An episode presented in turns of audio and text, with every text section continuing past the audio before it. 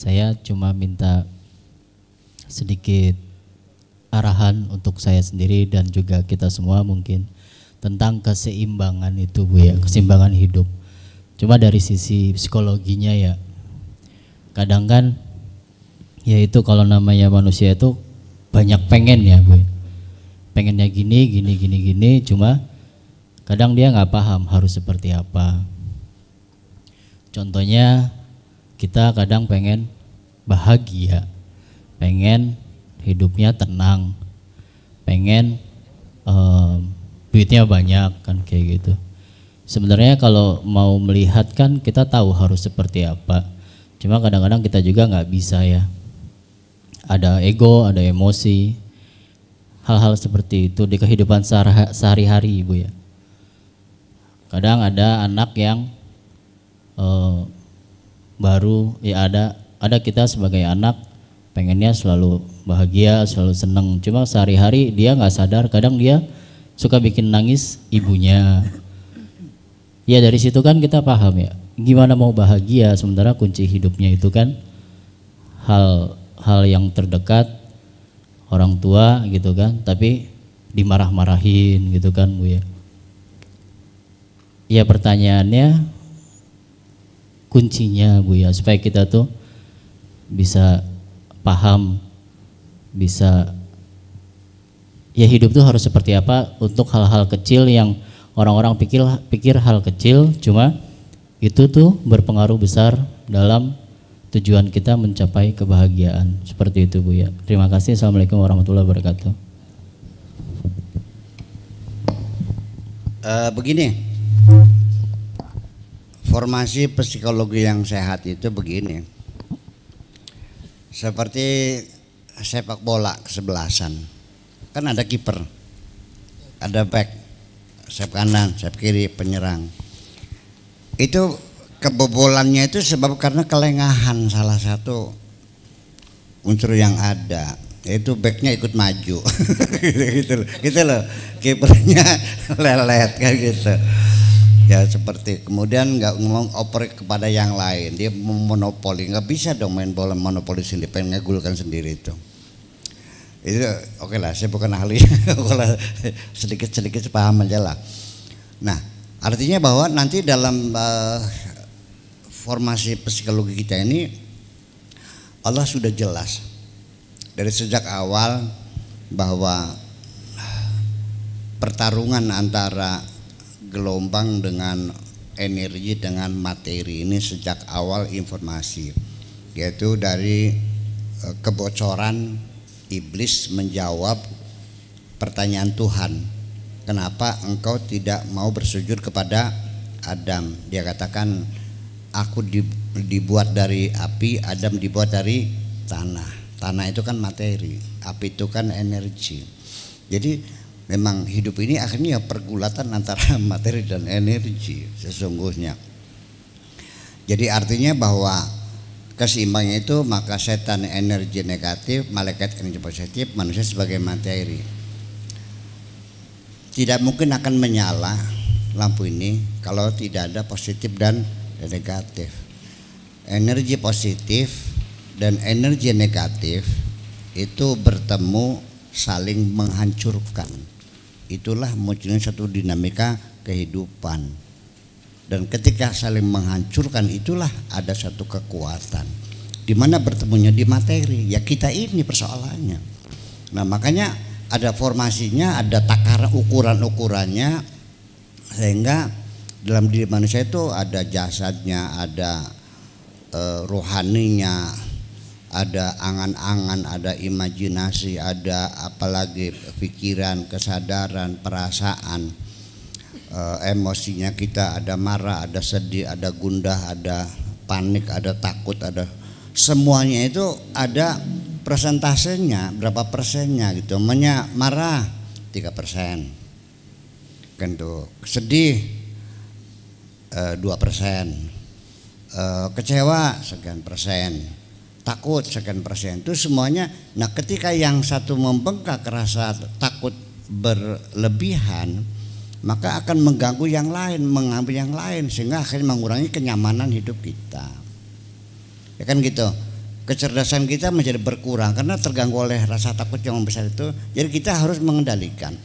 Artinya begini, ketika uh, orang tuamu meninggal dunia, itu wajar ketika kamu sedih. Iya kan? Karena ada ada sedih. Dia akan akan membengkak. Tetapi jangan berlarut-larut sampai berbulan-bulan nangis terus. Itu kan menjadi, menjadi penyakit jadinya. Ya tiga hari lah maksimumnya. Selesai, udah selesai ditelan waktu begitu istilahnya. Kemudian kecewa, takut, sedih, cinta. Nah balas sudunya emosi cinta ini sebetulnya perlu dominasi yang lebih tinggi seharusnya mah. Kita kehilangan cinta. Kenapa? Karena membengkaknya kebencian dan dendam yang ada dalam diri kita ini. Jadi uh, dalam kajian psikologi belum ada yang memastikan ya berapa jumlah persentasinya untuk manusia yang normal. Ini perlu ada penelitian yang jauh lagi. Ya, pertama ya karena saya bukan seorang psikolog dan juga bukan psikiater, cuman ya kira-kira nanti akan ada kajian khusus gitu. Dan ini tentunya memerlukan waktu yang lama. Tapi secara garis besarnya saja bahwa akhirnya mah yang membuat kita nyawa itu adalah kita bisa mengendalikan emosi kita itu dalam psikologi emosi itu kenapa jadi emosi kita membengkak, mengganggu yang lain, ada bad mood, ada sampai blok mental dan sebagainya. Segala macam dan penyakit jiwa itu lebih banyak daripada penyakit fisik kok. Gejalanya sama, telanjang lari-lari, ketawa sendiri gitu. Tapi sebabnya kan berbeda-beda. Nah, teorinya begini. Udah, kita langsung ke psikologi emosi aja bahwa sebabnya kita emosi kita menjadi eh, tidak nyaman, membengkak ya, bukan membesar, membengkak ya. Itu karena ruang memori kita terlalu padat. Kita menyimpan memori terlalu padat. Ini memori, ini emosi, ini logika. Nah, ketika ibu mati disimpan. Sedih berlarut temen nipu kita juga jengkel terus menerus. Disimpan terus. Ya akhirnya apa lagi? Di PHK dari pekerjaan menjadi penderitaan lagi. Kemudian istri minta anak terlibat narkoba lagi. Masalah. Lama-lama ini kan menyentuh emosi ini ya dia membesar dia menyentuh nah nah emosi ini menyentuh akhirnya menyentuh logika, logika terganggu sehingga kita kehilangan kecerdasan, tidak berpikir sehat, sampai kadang-kadang kita lost control, loss of control. Jadi how to cope your nerves, bagaimana kita mengendalikan saraf kita ini sendiri kan menjadi masalah sampai akhirnya kita melakukan tindakan kriminal. Di tetangga desa saya di Tersana gitu. Ini anaknya nih memang ibunya lagi bad mood. Anak ini setiap ada orang lewat dagangan kini kini kini es mie beli es. Ya udah. Nanti kotak-kotak lagi satu cilok itu. Mie ibunya kan marah ini gimana sih anak nih? Ya meminta terus. Kalau enggak banting-banting pintu. Tidak bisa mengendalikan nervesnya. Dibuka mulutnya dimasukkan belut. Dia mati. Betul nggak?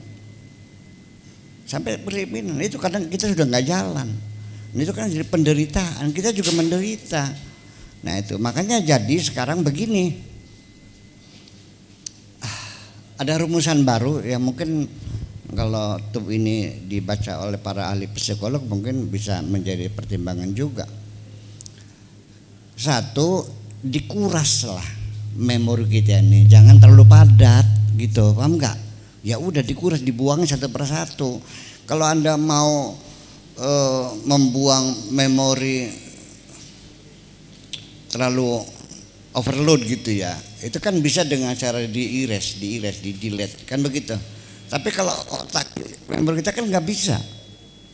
Nggak bisa sekali pejat 10 hilang, nggak bisa. Nggak sekali pejat 100 hilang. Kalau kita kasih persatu karena semuanya kasuistik. Hmm. Anak terlibat narkoba. Itu tidak sama dengan suaminya yang berselingkuh. Lain lagi nih ceritanya. Ya kan begitu. Tambah lagi temannya yang nipu dia. Tambah lagi di, berhentikan di PHK. Ini kan menjadi penderitaan semuanya. Jadi ya satu per per satu. Uh, beberapa metode yang bisa saya kemungkinan bisa lakukan gitu dengan tidak menggunakan psikotropika ya gitu. Ya saya juga bisa khusus untuk lu tidur. Iya, tapi lama-lama kan Anda kecanduan nantinya menjadi mas menjadi masalah lagi. Hanya tidak menghilangkan penyakit tapi hanya menyebabkan Anda bisa tidur itu aja persoalannya. Begitu bangun ya panik lagi. Nah, cara dikurasnya gimana? Satu, kita mencoba untuk e, mengalihkan perhatian. Itu paling mudah. Yaitu dengan cara mencari kesibukan-kesibukan. Ya, Jangan biarkan larut dalam perasaan yang gundah gulana semacam itu. Cobalah kita eh, habiskan tenaga kita, energi kita untuk mengerjakan sesuatu yang bermanfaat untuk kita, yang bisa menambahkan nilai ekonomis. Betul nggak?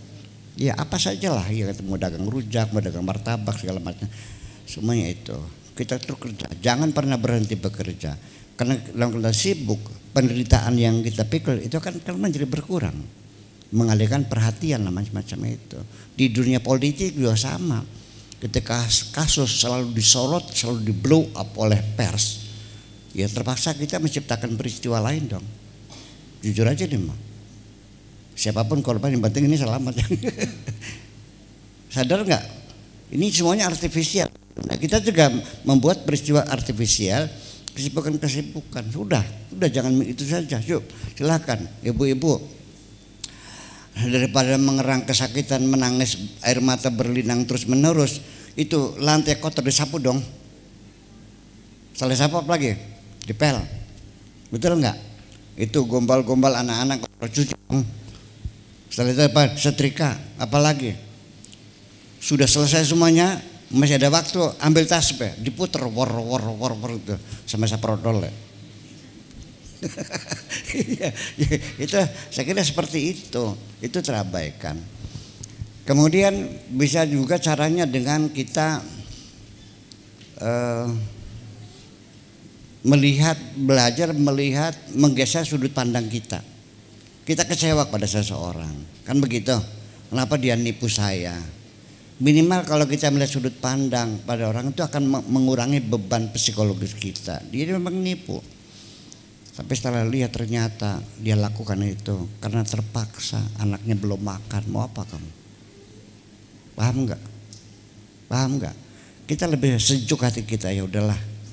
Kita bilang, eh kalau kamu butuh bilang aja dong, nggak usah gitu caranya. Paham nggak? Kita kita juga akan melakukan hal yang sama kalau kita menghadapi kondisi seperti itu. Anak sakit, mesti dioperasi, duit nggak ada, apa bener baik, apa beli ngasih golok ya ayo. Ya kan begitu masalah.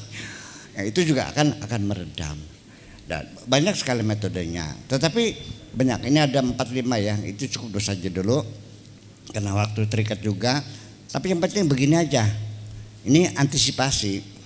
Bagaimana caranya supaya memori itu jangan terlalu penuh. Caranya begini apa pun peristiwa yang tidak sesuai dengan keinginanmu, kecewakan. Nah, ketika yang terjadi tidak sesuai dengan kita dan ada penolakan, ada komplain dari diri kita terhadap peristiwa itu, itu akan tersimpan. Ketika kita menolak akan tersimpan dalam memori. Tapi kita kalau kita sudah pasrah, ikhlas ridho, ya ya udahlah. Barangkali ini ketentuan Allah. Ya Allah aku siap menjalaninya. Dan mudah-mudahan tidak akan lama lagi bisa kita selesaikan semuanya. Begitu kita ikhlas itu itu malah nggak tersimpan. Itulah bahagianya orang yang sudah hatinya ikhlas ridho ya kan menerima segala kebenaran Allah akan lebih damai daripada orang yang menyangkal. Sekarang ibu-ibu oke diciptakan oleh Allah tidak secantik Syahrini terima aja Semua untung anak cungure. Ya, jangan pernah menyangkal, ya Allah, kenapa aku terlahir tidak cantik? Itu penderitaan tuh. iya, ya sudahlah mereka lumayan insya Allah. Malah untuk membahagiakan diri kita, coba kita ber, ber apa namanya berimajinasi belum tentu kok orang yang cantik bahagia ternyata yang bahagia yang sedang-sedang saja kok. Betul nggak? Ternyata suami-suami yang berselingkuh itu rata-rata istrinya cantik-cantik.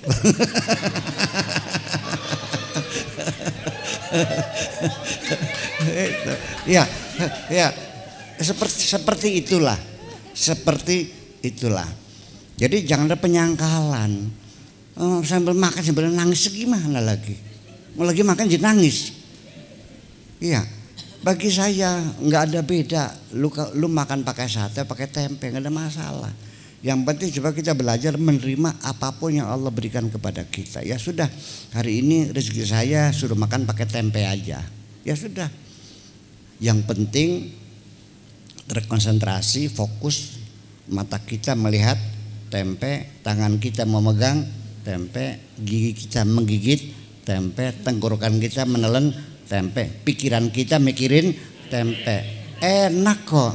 Uh, Alhamdulillah Lillah. Sebabnya engkau makan tempe nangis karena matamu melihat tempe, pikiranmu melihat sate. Saya kira itulah cara buat kita supaya damai. Itu bisa kita olah sendiri kok. Pada akhirnya mah. Sebab bagaimanapun juga ini psikologi sangat menentukan sekali. Manusia itu bukan materi ya, tapi ada energi dalamnya juga. Jadi artinya begini. Mang Kadim tukang macul saya kasih uang 10 ribu Alhamdulillah kebahagiaannya kalau ditimbang nih satu ton 10 ribu loh ya kan gitu artinya kalau bekerja kan bisa dua jam kerja kan mencangkul. Ribu itu kan saya 50 ribu aja kan gitu. Alhamdulillah saya disanjung-sanjung. Buya hebat bukan main. Wah dia pulang bejoget gitu. Ya kan? Nah saya kasih Kang Budi sepuluh ribu. Apa kini saya enggak? Apa bedanya? Sama kok.